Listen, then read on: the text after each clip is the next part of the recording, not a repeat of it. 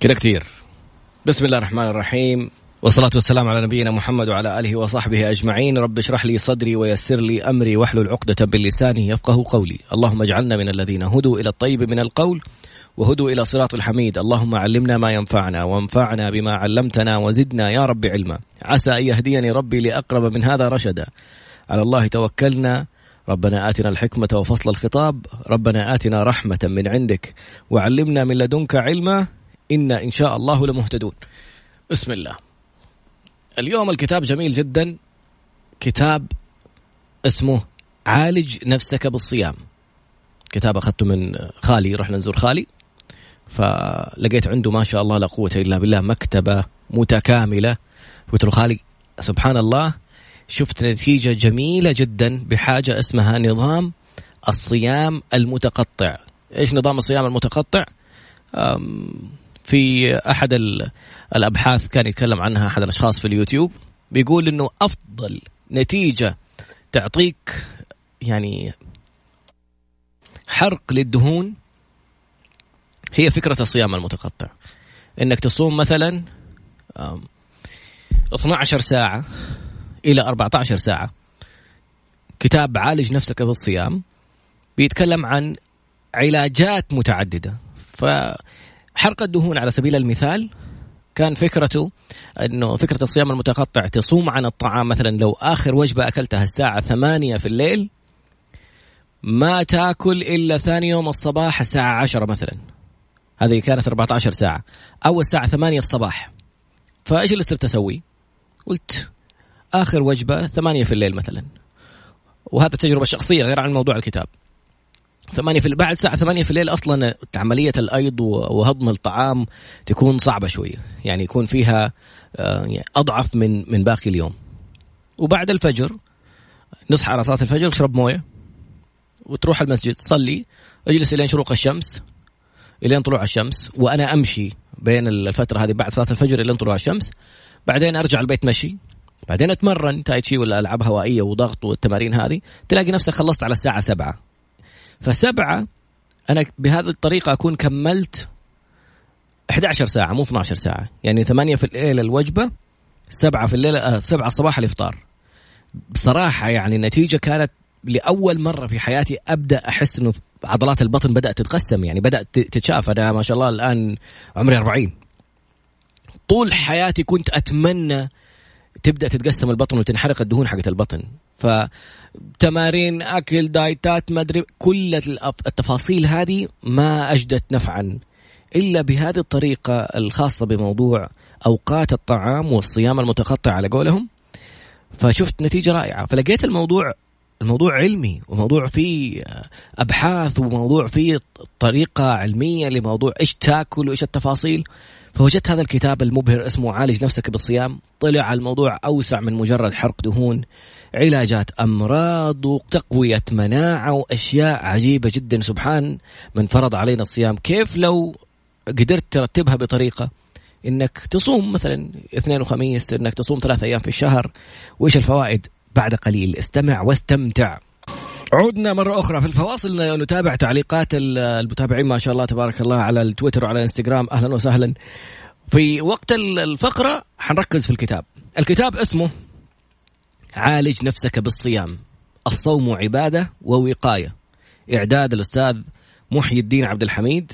بعدين حاط أوراق ورق عنب كذا وكاتب على كل واحدة السكر أمراض القلب ضغط الدم السمنة أو كاتب السمنة. والتهاب المفاصل التهاب الكلى حب الشباب الأرق يعني اللي ما يقدروا يناموا. و يعني كتاب في في خلفية الكتاب مكتوب دار القادسية للنشر والتوزيع تقديم سلسلة عالج نفسك صدر منها عالج نفسك بالقرآن عالج نفسك بطب رسول الله صلى الله عليه وسلم عالج نفسك بطعامك وشرابك عالج نفسك بالفواكه عالج نفسك بمعجزات الشفاء العسل والبصل والثوم والحبة السوداء. والمجربات الغنية في الأعشاب الطبية. حبيت الكتاب ده. عنوان كده على القافية. عالج نفسك بالصيام اللي هو هذا اللي إحنا أخذينه الكتاب والقوة والنشاط والحيوية بالغذاء والأعشاب الطبية. وصفات عجيبة للقدماء والعلماء عن العلاقة الزوجية والكاتبين بين قوسين للمتزوجين فقط. هذا الكتاب شكله نروح نشتري يعني إن شاء الله عشان لما نخطب يعني. أهلا وسهلا. حيا الله الامارات آه. طيب آه، ما حرد على أي تعليقات الآن وسط الفقرة؟ بعد ما نخلص في الفواصل نتفاعل مع المتابعين. شكله كل وقف دحين يبغى يفكر في الكتاب الثامن. ده حق السلسلة وحغطيه من ورا حتى في الكتاب عشان ما حد يتشتت. الفصل الأول من الكتاب كاتبين يعني مقدمة جميلة جدا المقدمة. بسم الله الرحمن الرحيم الحمد لله رب العالمين والصلاة والسلام على خاتم المرسلين المبعوث رحمة للعالمين علم الأمة أمر دينها وأرشدها إلى خير طريق لها وأبعد وأبعدهم عن الضلال والهوى. وهو القائل صلى الله عليه وسلم كما جاء في صحيح مسلم لكل داء دواء. فإذا أصيب إذا فإذا أصيب دواء الداء برئ بإذن الله. وصدق الله العظيم الذي قال في كتابه وإذا مرضت فهو يشفين. وهل هناك خير من دواء صنعته العناية الإلهية وتداوى به خير البرية إنه الصوم؟ الصوم داء لكل داء أو دواء لكل داء. دواء المعده التي هي أساس كل الأمراض. وصدق رسول الله حيث قال المعدة بيت الداء والحمية رأس الطب. فإذا صلحت المعدة صلح الجسد كله فهي مجمع التخمة ومجمع السموم ومبعث الألم ومصدر الشقاء والألم إلى كل أجزاء الجسم. ولا تنسى أنها مصدر القوة مصدر النشاط والحركة والهدوء. إذا إذا اتبعنا فيها قول الله تعالى وكلوا واشربوا ولا تسرفوا. وقول رسوله صلى الله عليه وسلم من حديث طويل فثلث لطعامك وثلث لشرابك فثلث لطعامه وثلث لشرابه وثلث لنفسه. من هنا نرى أن الصوم هو العلاج النفسي والعصبي فالصائم دائما في سكينة وهدوء وعلو همة وشموخ قامة لإطاعة أوامر ربه كذلك الصوم علاج الأمراض في الأبدان السقيمة وشفاء الأجسام العليلة وزيادة في القوة للأقوياء ومبعثا للصحة للأشداء. من هنا كانت البداية، كيف نجري وراء البحث والتنقيب للإتيان بدواء جديد يعالج البطن؟ كيف نهرول وراء من جاءوا بعلاج للسمنة؟ ودواؤنا بين أيدينا وزادنا يكفينا والصوم يغنينا عن كل ما هو براق وليس فيه من الفوائد الشاملة ما يحتويه دواء ربنا ألا وهو الصوم. الصوم شفاء للأمراض البدنية للأمراض الروحية سبحان الله. قوة وبصيرة هداية ورشد مسيرة وتقوى. من أجل هذا كان كتاب الصوم والله أدعو أن يهدينا إلى سواء السبيل. هذه المقدمة الجميلة. بعدها فصول رائعة بصراحة وكلمات أحاديث أول مرة أسمعها يعني تتعلق بموضوع الطعام والصوم. الباب الأول الفصل الأول نظرة الإسلام إلى الإنسان العدالة بين متطلبات الجسد والروح والمؤمن القوي. هذا في الفصل الأول. الفصل الثاني الأمراض والتداوي منها. أنواع الأمراض مرض القلوب مرض الشبهة والشك ومرض الشهوة والغي. هذه أمراض القلوب فرعين. شبهة وشك شهوة وغي. النوع الثاني مرض الأبدان عندنا مرض قلوب ومرض أبدان. الفصل الثالث الأدوية الإلهية. علمني عبد العزيز النويصر أخذناه في أحد الحلقات عن موضوع القراءة وكان ما شاء الله قارئ. فبيقول من أفضل الأساليب في القراءة أنك تفتح الكتاب على الفهرس تشوف فين يوجعك وتروح. كأنه دواء عامل الكتاب كدواء. إيش الشيء أو إيش الباب اللي حاس أنه ممكن تكون محتاجه؟ خلينا ندخل على الفهرس ونختار المواضيع ونقفز مباشرة عشان بدل ما نجلس نقرأ مقدمات ومقدمة باب ومقدمة ندخل على الفهرس نشوف العناوين ونقفز إليها مباشرة. أين يؤلمك؟ فسبحان الله. أنا مستمتع بالنتائج اللي بس من معلومة واحدة حق موضوع الصيام المتقطع. فما بالك الآن أمامك كنز. كيف من الممكن تستفيد منه؟ بعد قليل إن شاء الله. عدنا مرة أخرى إلى كتاب اليوم. عالج نفسك بالصيام للكاتب الأستاذ أو إعداد الأستاذ محي الدين عبد الحميد. آه، اتفقنا؟ أنا وأنت و... اننا نقرأ الفهرس ونشوف إيش المواضيع اللي ممكن تثير فضولك وتبغى يعني تبغى نبدأ فيها. الباب الأول نظرة الإسلام إلى الإنسان هذا تكلمنا عنه وقلنا العنوان حق الفصل الأول. الفصل الثاني الأمراض والتداوي. أنواع المرض قلنا مرض القلوب الشبهة والشك والغي ومرض الأبدان. الفصل الثالث الأدوية الإلهية. هذه الثلاث الفصول في الباب الأول.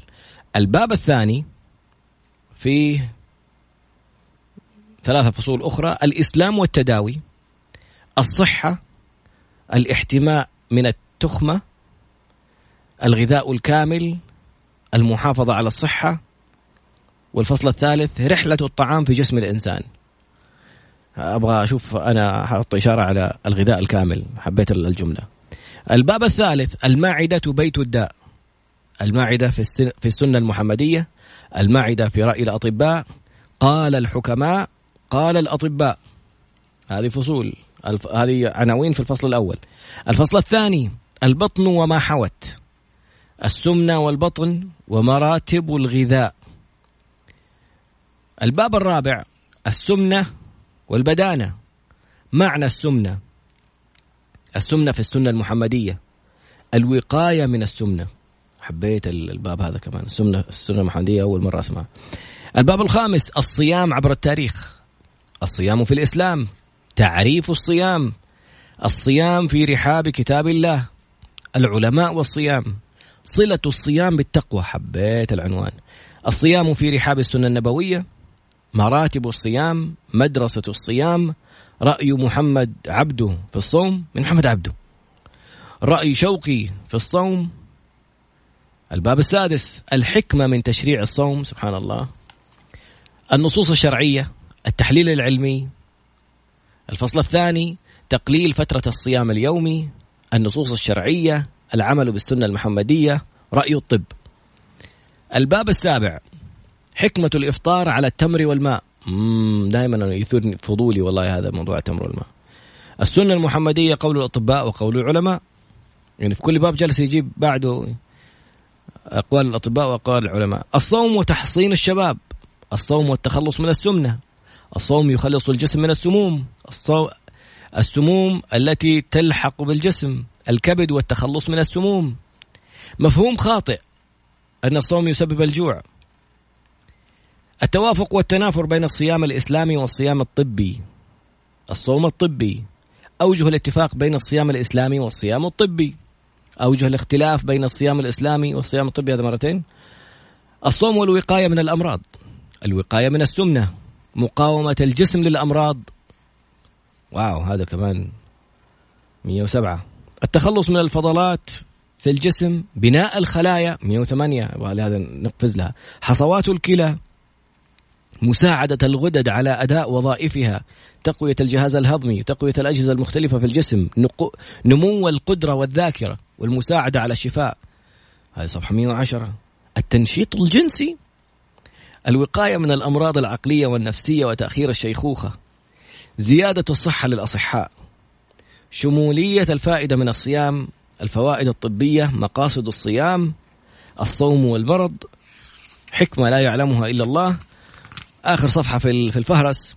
الصيام دواء للأمراض. الأمعاء. زيادة الوزن. الضغط. البول السكري التهاب الكلى التهاب المفاصل الصوم وعلاج الأمراض الجلدية البدانة ضغط الدم تصلب الشرايين هبوط القلب الصوم علاج للعقم. عجيب. يؤدي إلى زيادة الإخصاب. الصيام يعالج عدد من الأمراض علاج الأمراض العقلية والنفسية علاج انفصام الشخصية. مم. علاج فقدان الذاكرة تهدئة الأعصاب والاضطرابات الإدمان التهاب القولون القرحي. أمراض متنوعة انطباعات مرضى عولجوا بالصيام. بعض التعريف والمصطلحات موجز عن الأئمة العلماء والفهرس. واو. والله عناوين مثيرة. فكيف نبدأ؟ ومن أين نبدأ؟ خلينا نشوف كيف يزيد مقاومة جسم الإنسان للأمراض في صفحة 107 بعد قليل. أنت اختار لي إذا شفت عنوان لفت انتباهك. اختار لي في الفقرة القادمة يعني في الفاصل القادم. قل لي إيش لفتك؟ أنا حبدأ بصراحة اسمح لي أن أبدأ بصفحة 107 بعد قليل. استمع واستمتع. أنا هحاول أتحكم في نفسي خصوصا أمام يعني في مشاهدات في عبر وسائل التواصل الاجتماعي عندما أستمع إلى الطيران. يعني إن شاء الله كذا الواحد. عدنا إلى كتاب اليوم. عالج نفسك بالصيام. الصوم عبادة ووقاية للكاتب الأستاذ محي الدين عبد الحميد. وصلنا للصفحة 107 يعني ما قرأنا شيء أصلا من الكتاب بس شفنا العناوين فاخترنا من العناوين. الباب التاسع. لا لحظة كذا عشان هذا خيلني. أيوه. شكرا.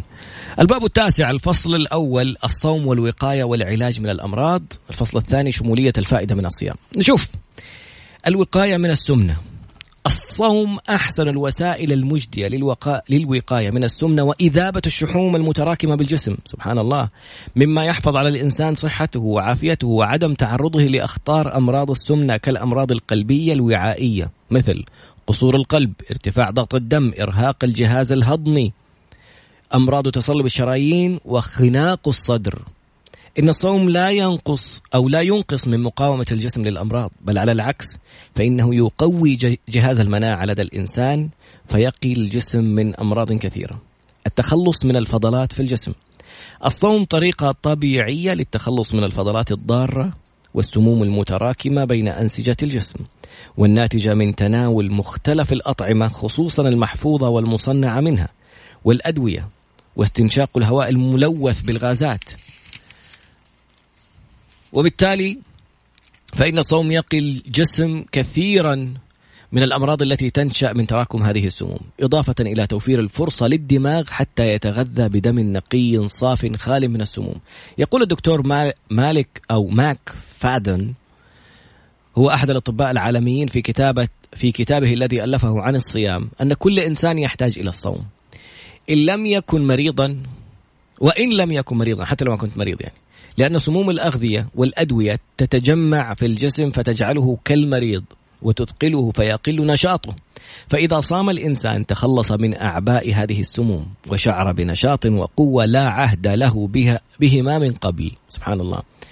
بناء خلايا الجسم. إن الصوم ينشط آليات الاستقلاب آليات البناء والهدم وهي يعني اليات البناء والهدم في عملية التمثيل الغذائي للجلوكوز والدهون والبروتينات في الخلايا فتقوم بتأدية وظائفها على الوجه الأكمل. وهذا يعني أن المدخرات الجسدية تستعمل أثناء الصوم بشكل متوازن ودقيق بحيث أن العناصر التي تتوافر بكميات كبيرة داخل الجسم تستهلك بكميات أكبر من غيرها.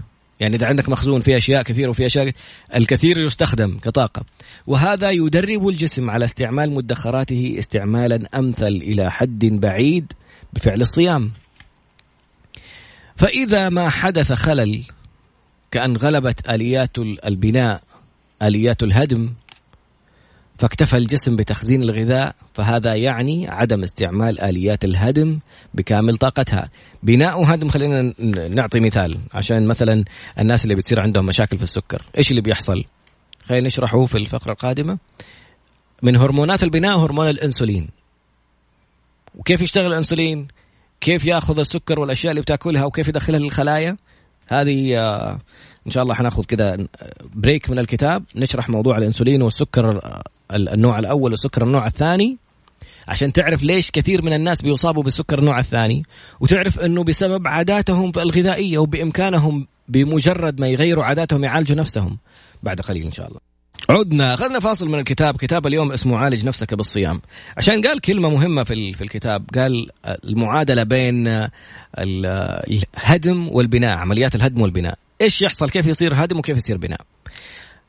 أنت أكلت وجبة فيها سكريات الجسم يخ يعني يستخلص يكسر هذه الوجبة ويستخلص منها السكر يستخلص البروتينات البروتينات يغذي فيها العضلات السكر هو الوحدة الخاصة ببناء طاقة الجسم بالكامل. كيف يصير الموضوع؟ أكلت عيش أكلت رز أكلت النشويات كلها البطاطس وال... وال... كل هذه سكريات تتحول. يجي الجسم يكسر الأشياء في العصارة المعدية. أول ما تدخل من عند الاثنى عشر في مراقبين. يعطوا صفيرة للبنكرياس. بنكرياس! في حالة دخل حلوين كده سكر بيعدوا من قدامي. دوريات على طول. البنكرياس يتصل. عمليات اطلقوا لنا إنسولين. الإنسولين زي المفتاح يجي زي سيارة الدورية. سكر اركب. أنا دخلت. تفضل اركب. يدخل على الخلايا. هو المفروض ان نغذي الخلايا بالسكر. تجي الخلايا عليها. شفت المفتاح والكالون؟ نفس فكرة الكالون. الكالون اللي جوة الخلايا اللي هي مستقبلات الإنسولين على حرف ال I شكله زي حرف ال I كذا كبير زي حق. حق الانتركونتيننتال اعتبر أن المفتاح هذا هو الإنسولين شكله حرف I من قدام وداخل في مستقبل الإنسولين الكالون حق الخلية يفتح ودخلي جوه بلاش ماشي في الشارع يدخل السكر جوة الخلية. هذا هرمون بناء جالس يبني الخلايا يدخل لهم سكر. انت أكلت المفروض وجبة وخلصنا. اديها وجبة رز رز رز بطاطس بطاطس بطاطس وتكمل لي هي بمشروبات غازية. المشروبات الغازية الجسم ما بيكسرها ما, ما في شيء يعني ما في مجهود. المعدة كانت جالسة ترسل عصارة معدية والأمعاء تتحرك وتسوي وتعمل عشان تهضم. أنت لما تشرب لي مشروب غازي فيه له 24 ملعقة سكر. وما أعرف العدد بالضبط بس يعني كان عدد كبير. فتديه سكر خالص صافي تدخله جوة المعدة. ففجأة المراقبين اللي عند الاثنى عشر يصفر يصفقوا للبنكرياس ألحقنا بإنسولين في مجموعة داخلة ما تهضمت ولا اشتغلوا الناس اللي جالسين يتفرجوا عليهم. طب هذول ما كسرناهم ما سوينا شيء. وكمان صبغة كراميلية حقت اللون الكولا ده وكمان بلاوي فجأة داخلة عليهم. فكل يرسلوا إنسولين يرسلوا إنسولين إنسولين. ابشر أركبي أركبي أركبي. يركبوا السكر معاهم يروحوا للخلايا. الخلية قد جوتها في سكر من أول دخلت. يجي عند الكلون افتح دخل كمان سكر دخل سكر. الخلية تقول له انكتمت خلاص. إلين يخرب وجه الكالون حق الانسولين وقلنا زي حرف ال I كذا يدخل المفتاح يتشوه. يعني يصير خربان. يجي الانسولين يبي يدخل مرة ثانية يقول له الكالون ما تدخل أصلا خربت أنا جوا طفحت. سكر سكر سكر. فيروح يتجمع ويصير دهون. الخلية نفسها كذا يصير عندها كأنه متورمة. شفت واحد لما يديك بوكس كذا تورم؟ كذا الخلية صارت متورمة. تتجمع السكريات هذه ويبدأ الجسم يخزنها كدهون. إيش الفكرة الثانية اللي حتصير؟ إنه حيمشي إنسولين شايل سكر معاه وماشي يدور له خلية تفتح له. يا جماعة أحد يبغى آه، سكر؟ يا عمي أرحمنا. خلاص سكر. ولا وخلص الغداء وشرب له مشروبات غازية. حلا. اديني بسبوسة بالشيرة اديني مدري مين. يا سيدي بعدين يقول لك يا أخي والله هات شاي أخضر خلينا نشوف بالله كيف نحرق الدهون. تحرق إيه؟ تحرق. جريمة أنت ارتكبت مصيبة. فالفكرة إنه صاروا ماشيين الإنسولين ماشي مسوي دورية وشايل معاه سكر وداير فيه. ولسه أنت بتحلي وصار تدخل لهم سكر ماشي بدون إنسولين ماشي له في الدم. ويتجمعوا ويسووا لك مشاكل. كل الفكرة هذه هي اللي بتسوي يبدأ يرتفع في الدم. تجي انت تسحب عين الدم تلاقي عندك نسبة السكر ضاربة. ليش؟ تقول والله يا أخي ما أدري إيش صاير. إيش صاير؟ خلاياك بطلت تستقبل أصلا أنسولين تشوهت. فيروحوا ياخذوا دواء اسمه Glucophage عشان زي البخاخ حق W 40 هذا اللي لما يكون عندك صدى كيف تبخ في الكالون عشان يدخل المفتاح. Glucophage هذا الدواء ينظف الكالون عشان يقدر الإنسولين يدخل مرة ثانية. ليش الإجرام ده تسوي في نفسك؟ إيش وفاكهة مما يتخيرون ولحم طير مما يشتهون؟ خذ لك حبة فاكهة قبل الأكل جهز الأمعاء عشان تستعد. خذ لك أص... بعدها كذا بنص ساعة كل هتلاقي نفسك أكلت كمية أقل. وما تحتاج الأفلام اللي جالس تسويها هذه. بحسب ابن آدم لقيمات يقمن صلبة. لما حتسوي الطريقة حقت مثلا سلطة قبل الأكل بساعة بعد السلطة تاخذ لك حبة فاكهة بعدين ادخل على الوجبة الرئيسية. حتلاقي نفسك أكلت يعني أو اللي كنت تاكل صدر دجاج صرت تاكل نص صدر. فخذ كامل الرجل بالساق حتلاقي نفسك أخذت الفخذ لحاله أو الساق لحال. وتحس نفسك شبعان. الإشارة الجسم المعدة ما تعطيك إشارة أنها امتلأت إلا بعد ما تمتلئ للنهاية. وتجلس ثلث ساعة بعدين تقول لك امتلأت. لأنه يعني ربنا ما خلقها كيس تبغى تحط فيها بس تحشيها. ثلث وثلث وثلث. هذا الطريقة اللي يصير فيها نوع السكر اللي هو النوع الثاني اللي إحنا نسببه بعاداتنا الغذائية. تبغى تحرق دهون؟ هو عادة لما تصوم تجلس لك فترة ما أكلت الجسم يبدأ يروح إذا تحركت. لو ما لقيك تتحرك حنعرف كيف البناء موضوع هذا البناء كيف هرمونات البناء. إيش هرمونات الهدم وكيف اللي يصير الطريقة حقت الهدم؟ في الفقرة القادمة إن شاء الله بعد قليل. بعد الطيران عدنا إلى كتاب عالج نفسك بالصيام كتاب جميل بصراحة الفكرة الآن إنه عرفنا كيف يصير موضوع البناء وعرفنا كيف الآلية اللي أنت جالس وتدمر فيها نفسك وتخرب مستقبلات الإنسولين وتخلي السكر في الدم عالي ويتكون باقي الموضوع دهون وتصير لك كل المشاكل العالقة في الموضوع. السكر لما يرتفع يترسب في شبكة العين، يترسب في الكلى، يترسب في أماكن يترسب على الأوعية الدموية. في حاجة لما نقولها الآن كله حيبدأ يتعدل في الموضوع. الأوعية الدموية اللي يترسب فيها فضخ الدم يضعف يعني الوعاء الدموي فرضنا إنه كذا زي الأنابيب okay؟ فالآن صار ترسبات ترسبات ترسبات على الأوعية الدموية. ضاقت. فلما تضيق ما يصير الدم ماشي بشكل كافي. اللي ياخذوا منشطات جنسية Viagra و Cialis ومدري إيش اسمها الثانية دي Snafi ومدري مين إيش يصير؟ بيأثروا على القلب عشان يضخ كمية دم أكبر عشان تذهب إلى المناطق الأخرى فيصير ضخ دم عالي في هذه المناطق فتصير آه، يعني تنير يعني كذا. المهم فالسكر يسوي ترسبات يضيق عكس الموضوع ذا. فأنت لو نظفت الأوعية الدموية حيصير عندك ضخ دم عالي بدون ما تحتاج أدوية. جزاك الله خير. خلاص غير في الموضوع هذا. ال ال ال الهدم. خلاص عرفنا الآن إنك بتاكل سويت بناء بنيت الخلايا لين خربتها وبنيت دهون وجالس تمشي سكر في الدم وسويت ترسبات سويت مصايب. وصلنا إلى هرمونات الهدم. لما لما تصوم لما ما يكون في أكل الجسم يبغى طاقة. ما هو لاقي طاقة؟ فين يروح؟ الأسهل إنه يروح يكسر البروتينات يكسر العضلات ياخذ منها بروتينات ويسوي معاملات طاقة جديدة ويغذي الجسم بالطاقة. لكن إذا أنت بتتحرك بتمشي العضلة هذه اللي كنت بكسرها هي الأسهل في التكسير. ما راح أقدر أكسرها هي بتمشي هي تبغى طاقة. الآن العضلة بتتحرك بتمشي أنت بتروح تحرك يدينك تحرك رجلينك بتتمرن. فالعضلات بتتحرك ما أقدر أنا آخذ منها. أنا لازم أعطيها. طب الرجال ما أكل. من فين أجيب لك طاقة؟ كسر الدهون الآن اللي تراكمت هذه السكريات المتراكمة. كسروا وغذوني أنا أحتاج طاقة أنا عضلات. شوف الناس اللي يعملوا عمليات تكميم. إيش المشكلة اللي بتحصل؟ يعني إيش فكرة عملية التكميم؟ أنا بصغر لك معدتك. المعدة قد قبضه اليد تتوسع عشرة أضعاف حسب عاداتك الغذائية. فاللي بيسوي تكميم معدة كأنه جايب أحد يخنقه ويقول له لو شفتك تاكل يا ويلك. طب ما أنا أنا أسوي نفس الحكاية. أنا أقلل وجبتي بنفسي بدون ما أحد يشق بطني ويعمل لي عملية وغير المضاعفات حقتها. المصيبة فين؟ اللي يعملوا العملية وما يتحركوا. لأنه الجسم ما لقي طاقة. فين قلنا حيروح أول شيء؟ يروح للعضلات. يكسر عضلات يكسر عضلات ويخلي الدهون. فتشوف الرطرطة. يعني وهي تعبير عشان اللي ما هم شايفيننا بيسمعونا في الحلقة المسجلة. الرطرطة هي عبارة عن تراكم الشحوم وغياب العضلات. فيصير الإنسان كذا طبقات من من الشحم. فالفكرة يعني كل احترامنا وتقديرنا لكل الناس اللي مروا بهذا الموضوع بس جالسين نشوف إيش بتسوي أنت فعلا؟ أنت أنت بتمنع نفسك إنك تاكل. فلو عرفنا نصوم فواحد يقول لك أنا ما أقدر. صوم. ما أقدر إنه يقلل الأكل ولا يسوي مشكلة في الموضوع. صوم. صيام تقدر عليه كنت في رمضان تصوم ولا ما تصوم؟ باقي لما تفطر افطر على السنة. افطر صح. عشان لا اللي سويته في الصيام وصار شيء صحي والحمد لله تجي تخبصه على الفطور. فالفكرة إنه الآن عمليات الهدم هذا اللي قلنا بتصير. يا بتصير يهدموا في من العضلات أو يهدموا من الدهون. متى يهدم من الدهون؟ إذا كانت العضلة بتتحرك.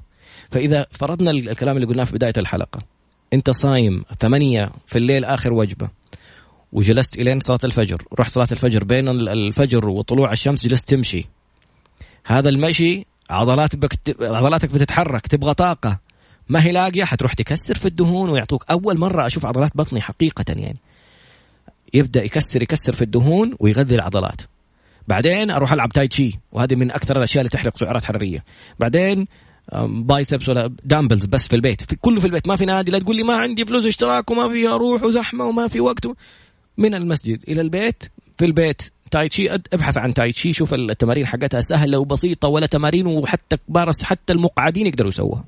تي اي اي سي اتش اي تاي تشي من أكثر التمارين اللي تحرق الدهون وطريقة التنفس فيها شيء عجيب ويقوي العضلات ويقيك من السقوط وأشياء سبحان الله.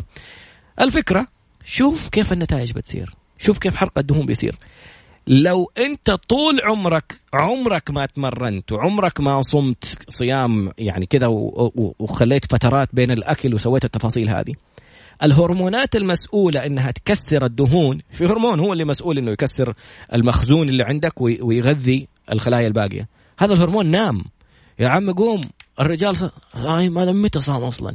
خرب الهرمون نفسه صار في خلل صار ما بيشتغل أساسا. الغدد اللي بتفرز لك الهرمونات هذه أخذ إجازة أنت هالكها ما أنت معطيها فرصة. هذه فكرة هرمونات الهدم والبناء فالصيام المتقطع والصيام عموما يساعدك إنك تنشط هذه الخلايا وتنشط هذه الغدد إنها تفرز هذه الهرمونات وتبدأ أنت تعيش حياة طبيعية. تشوف إنسان آخر تماما.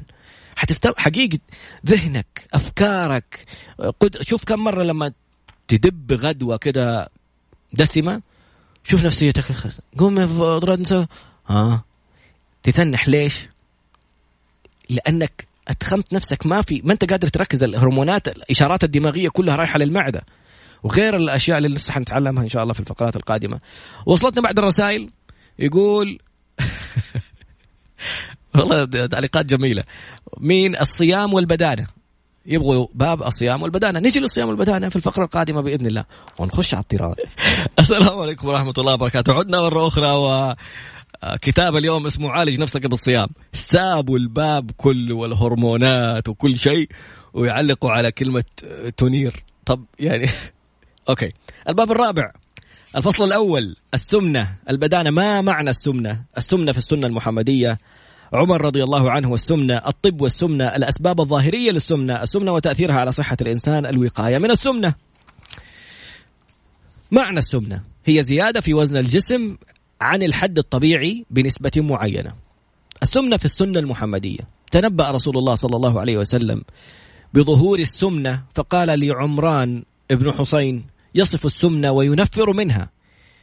إن بعدكم إن بعدكم قوما يخونون ولا يؤمنون ويشهدون ولا يستشهدون وينذرون ولا يوفون يا لطيف ويظهر فيهم السمن وتجشأ رجل عند النبي صلى الله عليه وسلم فقال له كف عنا جشاءك. الله فليسمع من يسمع. في واحد بيسمعني وأبغاه يسمع الحديث. يعني في ناس يقول لك يعني أكتمها. يا أخي يعني سك فمك يعني يعني بطريقة كده إنه لا يطلع صوت. في ناس يعني يخلص الوجبة إنه ما شاء الله تبارك الله تقول باب انفتح. يعني مع كل احترامنا وتقديرنا لكل الأشخاص.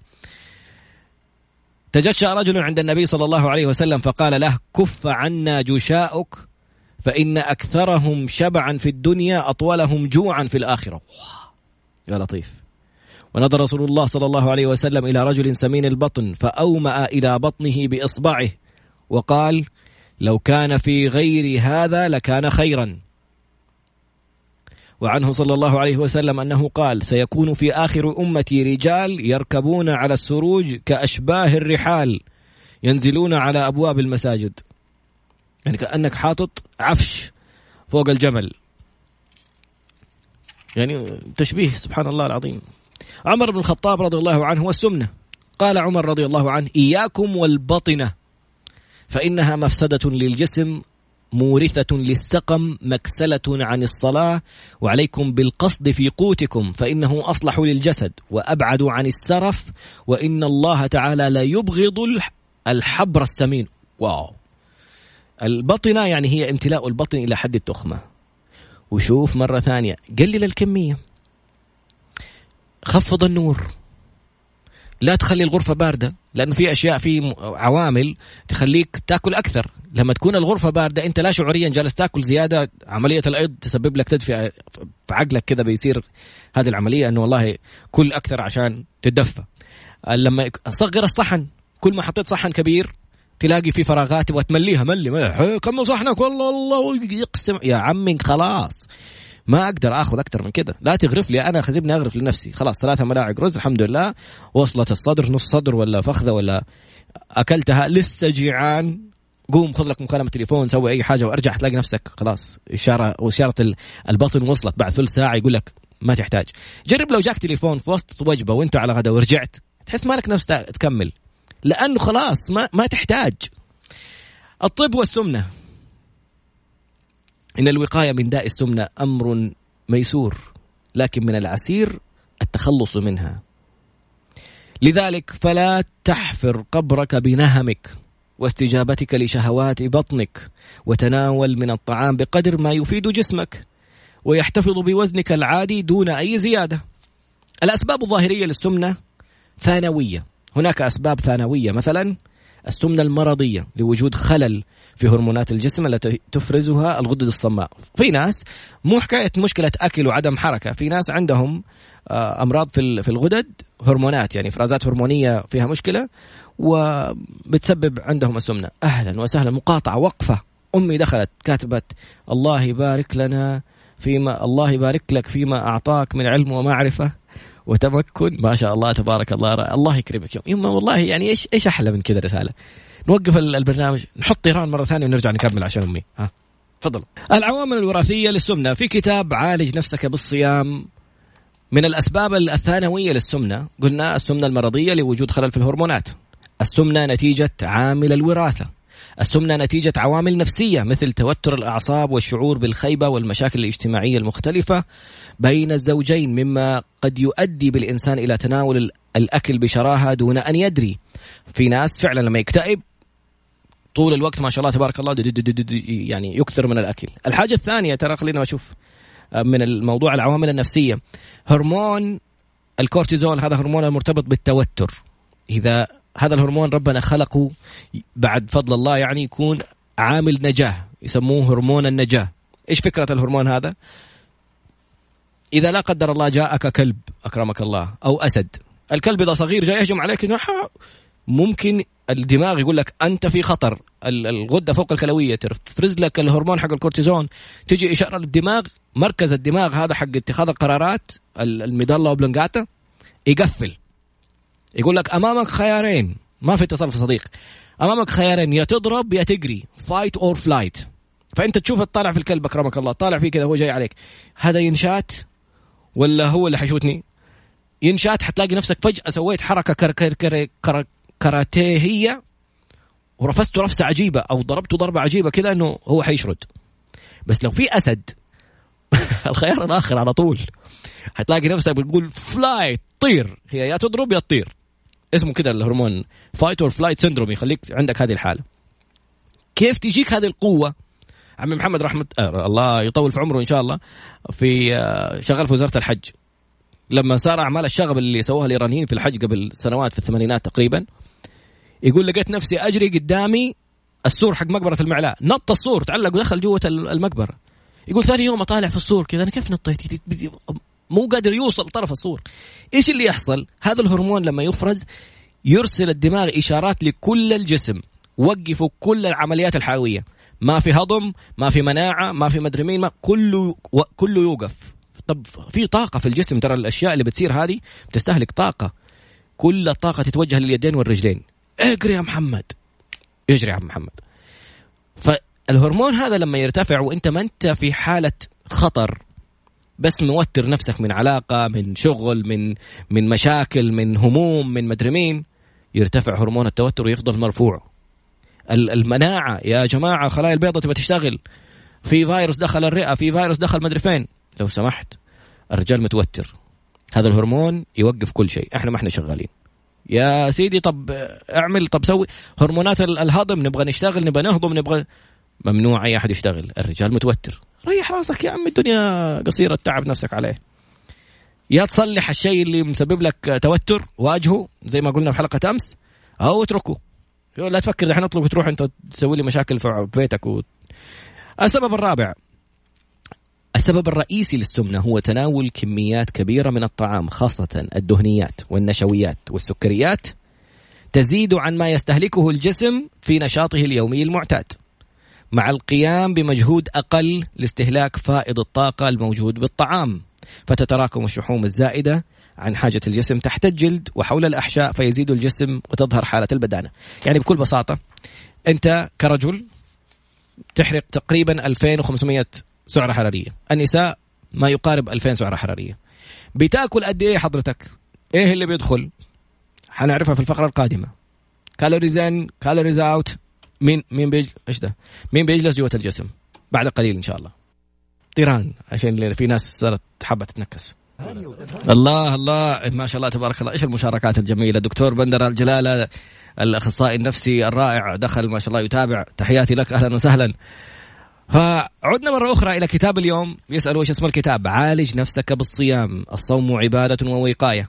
خلينا نتكلم عن النقطة هذا اللي يتكلم عنها السبب الرئيسي للسمنة هو أنك بتاكل أكثر مما بتحرق. قلنا 2500 سعرة حرارية تقريبا يحرقها الرجل 2000 سعرة حرارية تحرقها المرأة يوميا. فأنت الآن وزنك خلينا نقول فوق الطبيعي. وبدأت تقلل من الوجبات الغذائية حق أو من أكلك وقررت إنك سمعت الحلقة وقررت تكون من الناس اللي قال عنهم النبي عليه الصلاة والسلام من عمل بما علم آتاه الله علم ما لم يعلم. حيفتح ربي عليك وتبدأ تقرأ وتشوف أفكار وأشياء جميلة. عرفت الحلقة اليوم وقلت ما في مشروبات غازية بعد كذا. ليش؟ سكر أنت بتدخل سكر أنت عارف عشان تحرق السكر اللي أنت شربته في في علبة مشروبات غازية واحدة كوك كولا وغيرهم. تحتاج مشي أتوقع ساعة. أنت أصلا ما بتمشي أساسا بدون بدون الكولا. فتخيل إنك لما تشرب هذه كمية السكر اللي جالس تخزنه مباشرة في الدم قديش يحتاج منك؟ فوضعك الطبيعي حركاتك الطبيعية هذه تحتاج 2500 سعرة حرارية. حاول تقرأ أدخل في النت أكتب السعرات الحرارية في صدر الدجاج السعرات الحرارية في الصدر المشوي في الصدر المقلي في الصدر المدري مين. انت إيش تاكل صدر ولا فخذ؟ اختار. السعرات الحرارية في صحن سلطة. السعرات الحرارية في علبة مشروبات غازية. السعرات شوف انت أصلا كم بتاكل. ما دام وزنك زايد يعني انت بتاكل أكثر من 2500 إذا قلنا إنك بتاكل 3000 سعرة حرارية في اليوم 3000 بس يعني زيادة 500 عن احتياجك. إيش بيحصل؟ 500 اليوم 500 غدا و500 مدري في خلال 30 يوم انت زايد 15 ألف سعرة حرارية حاطها دهون دهون دهون دهون. 15 ألف سعرة حرارية في الشهر. اضربها ب 12 شهر. في 10 شهور انت عندك 150 ألف سعرة حرارية. كمان 15 و15 150 180 ألف سعرة حرارية. احسب لي كم حيطلع دهون كم حتطلع كيلو زيادة. لو بطلت وبدأت تمشي صح أكلت في يومك 2500 سعرة حرارية فقط وزنك حيفضل زي ما هو وزنك زايد. ليش؟ لأنه خلاص الآن أنا زي ما أنا دهوني موجودة مخزنة وكل شيء. اللي أكلته جديد حرقته في يومي. يعني وضعي كوزن ما حينزل. متساوي اللي دخل خرج. أوكي؟ متى يبدأ ينزل وزنك؟ لما تاكل مثلا 2000 سعرة حرارية وانت أصلا بتحرق 2500 فهذه ال 500 الجسم بياخذها من الدهون خصوصا لو بتتحرك عشان لا ياخذها من عضلاتك. فتخيل انك بتمارس أي رياضة وتخيل انك بتطبق موضوع الصيام. بتاكل سعرات حرارية أقل أقل أقل. كل يوم جالس تقلل كمية الأكل. فأنت بتاكل مثلا ألف سعرة حرارية بس بدل 2500 اللي كنت اللي تحتاجها. فجسمك عشان يمشيك باقي اليوم حيحتاج يحرق 1500 من فين حيجيبها؟ من الطاقة حقت الجسم. كسر لي دهون كسر لي الأشياء هذه وأعطيه طاقة. هذا ما بيأكل كفاية. تخيل لما تأكل لك قطعة حلا ولا سينبن ولا بسبوسة ولا القطعة الواحدة تلاقيها 300 سعرة حرارية. ما يقارب ربع احتياجك حق اليوم مضيعه في قطعة حلا واحدة. وقس على ذلك. فالقرار قرارك. كيف ممكن تطبق فكرة الصيام المتقطع؟ كيف ممكن تبحث عن هذا الكتاب؟ ما أعرف فين حتلاقيه بصراحة. دار القادسية للنشر والتوزيع تهامة للتوزيع في المملكة. اسم الكتاب عالج نفسك بالصيام شوف باقي الفقرات اللي فيه. استمتع بحياة جميلة. قلت لك عن تجربة موضوع بس الصيام المتقطع هذا من فضل الله خلى يعني أول مرة أشوف عضلات بطن. ما, ما حينفع أتصور هذه عورة. لكن حقيقي حياة جميلة أفكار تحس نفسك مخك نظيف. والله تجيك أشياء عجيبة. خلص الوقت والرنده واقفة ورانا. سبحانك اللهم وبحمدك أشهد أن لا إله إلا أنت أستغفرك وأتوب إليك. في أمان الله. هنسيب الحلقة أبشر إن شاء الله. السلام عليكم.